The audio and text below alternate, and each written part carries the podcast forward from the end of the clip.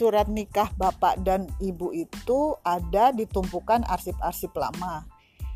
Waktu saya menemukan, saya merasa surprise juga karena surat itu memang selain sudah menguning, saya juga baru tahu bentuk surat nikah bapak dan ibu itu seperti itu.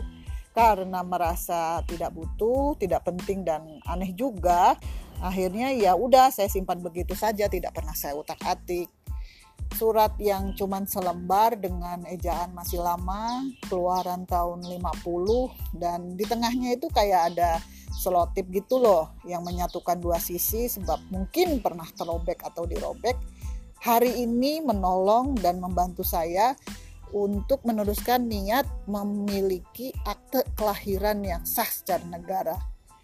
Ternyata tuh selama ini saya hanya memiliki surat keterangan lahir Kebetulan juga kan nama Anastasia belum tercantum di situ. Jadilah saya berusaha untuk mendapatkan akte kelahiran yang sah secara negara. Salah satu syarat untuk mendapatkannya yaitu tadi ada surat nikah bapak dan ibu kandung almarhum.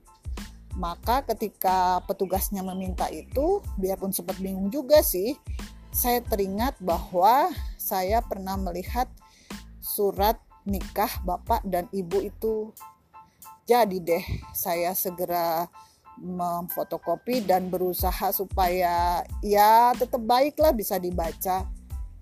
Jadi ingat ya, kadang-kadang masalah yang kita alami di masa lalu atau segala sesuatu kepenasaran yang tidak terjawab setelah beberapa tahun baru deh bisa terjawab.